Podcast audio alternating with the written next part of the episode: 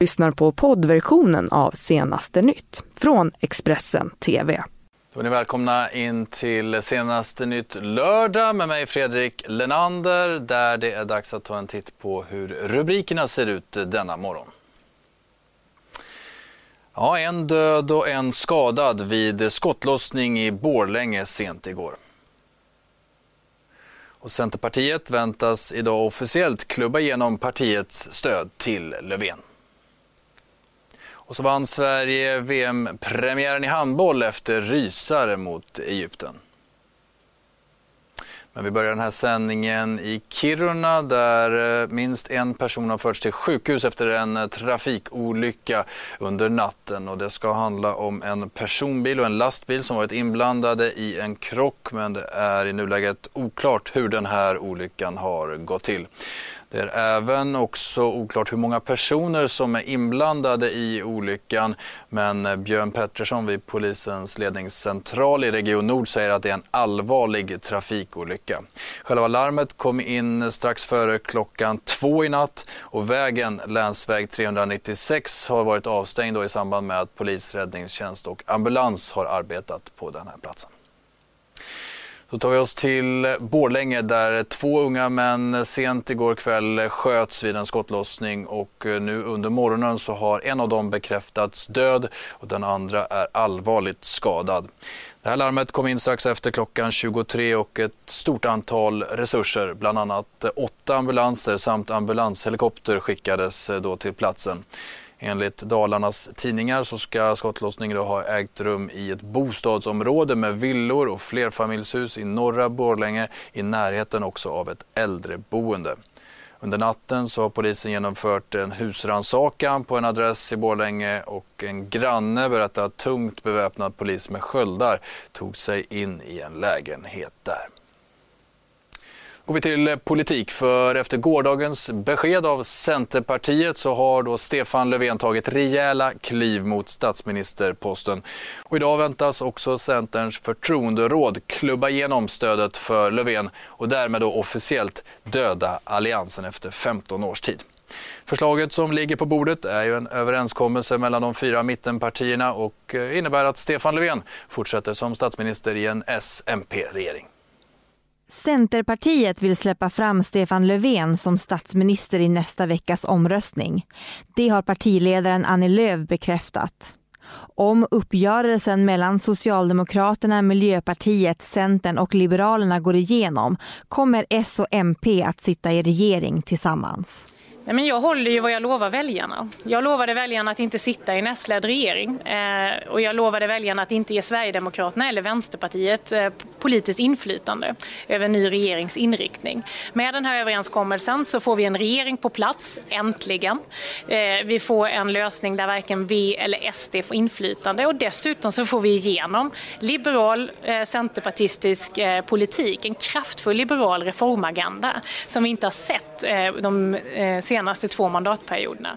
Centerns ledning har alltså beslutat att rekommendera sitt parti att stödja Stefan Löfven som ny statsminister och själva bli stödparti till Socialdemokraterna och Miljöpartiet i den regeringen. Vad jag förstår så är det också ditåt som Liberalernas ledning nu vill driva sitt eget parti.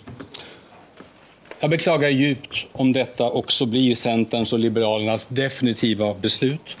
Det vore riktigt dåligt för Sverige den här regeringen vi har nu har saknat viljan och förmågan att ta itu med Sveriges stora problem. Om Centerpartiets besked kvarstår så innebär det att Sverige berövas möjligheten till nytt politiskt ledarskap och till en ny regering.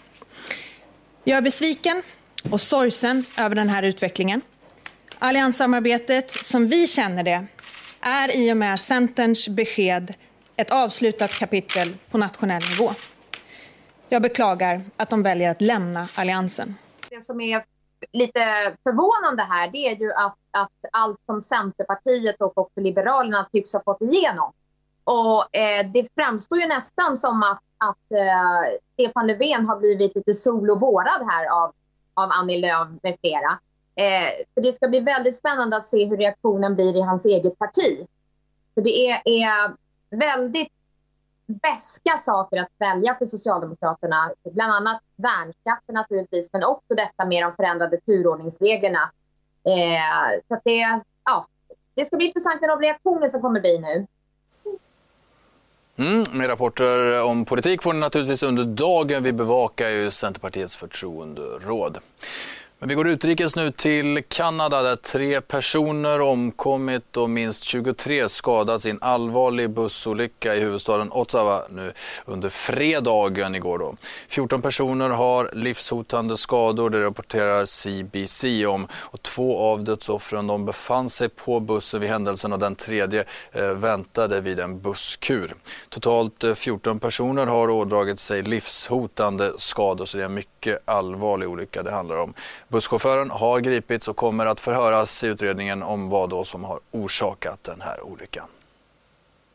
I USA så har den svenska tv-profilen som misstänks för att sexuellt antastat en 13-årig pojke i USA fortsatt att neka till alla anklagelser.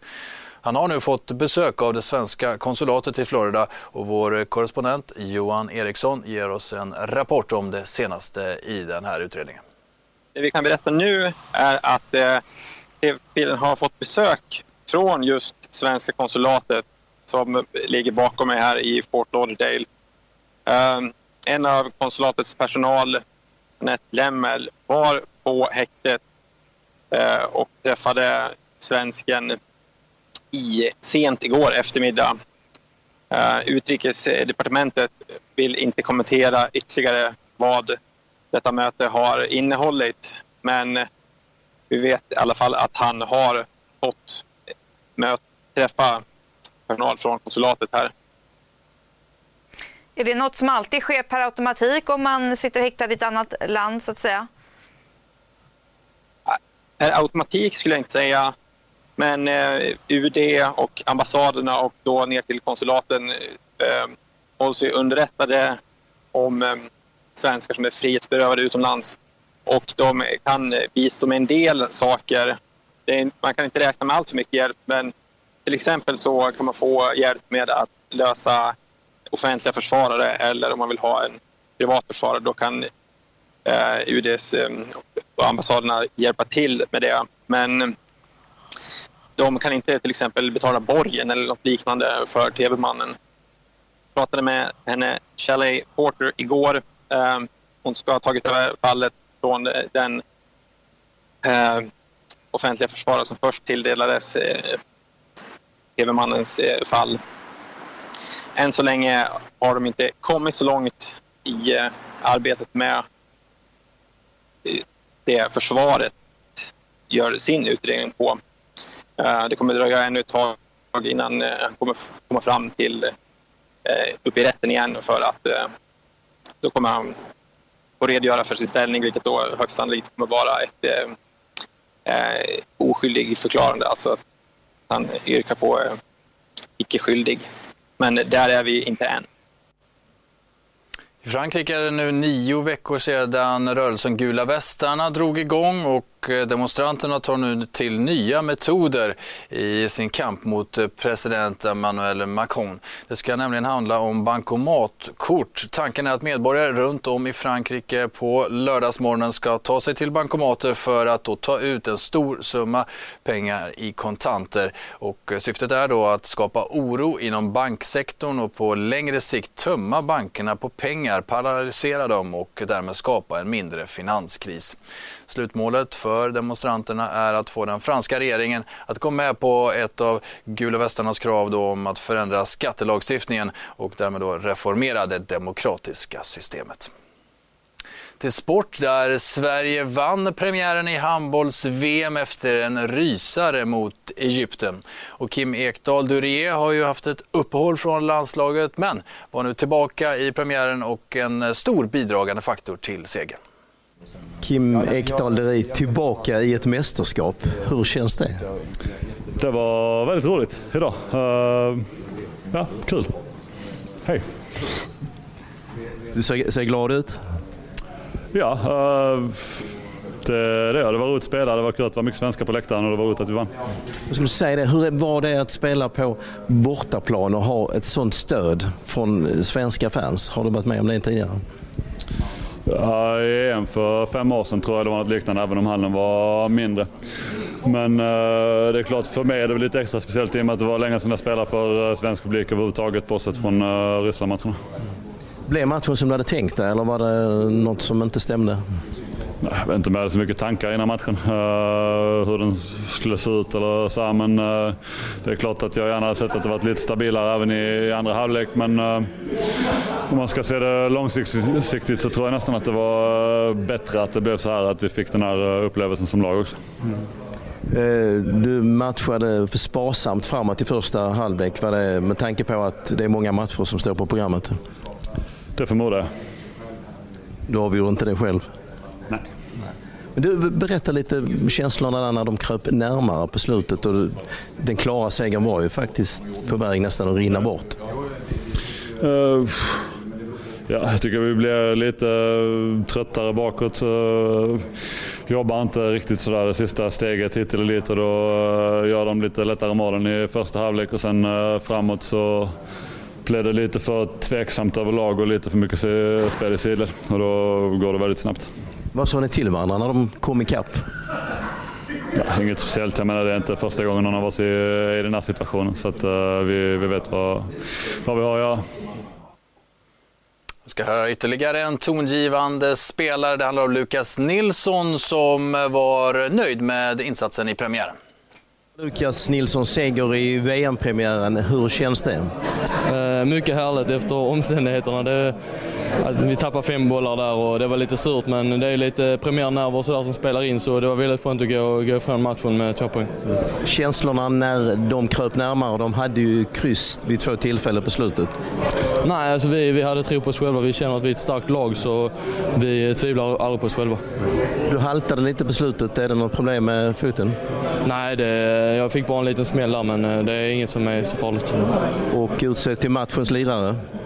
Ja, det var, det var skönt att få en sån, en sån start på, på VM, absolut. Hur ser laddningen ut nu till nästa match?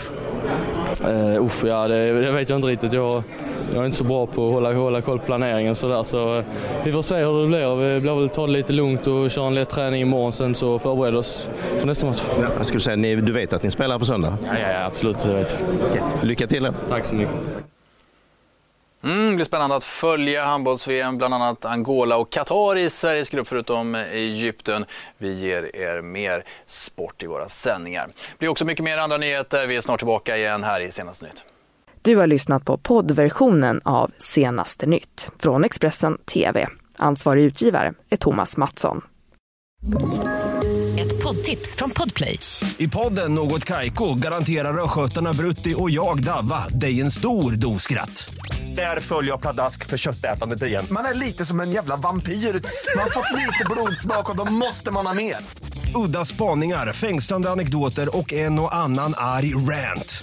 Jag måste ha mitt kaffe på morgonen för annars är jag ingen trevlig människa. Då är du ingen trevlig människa, punkt. Något Kaiko, hör du på Podplay. Därför är gardinerna.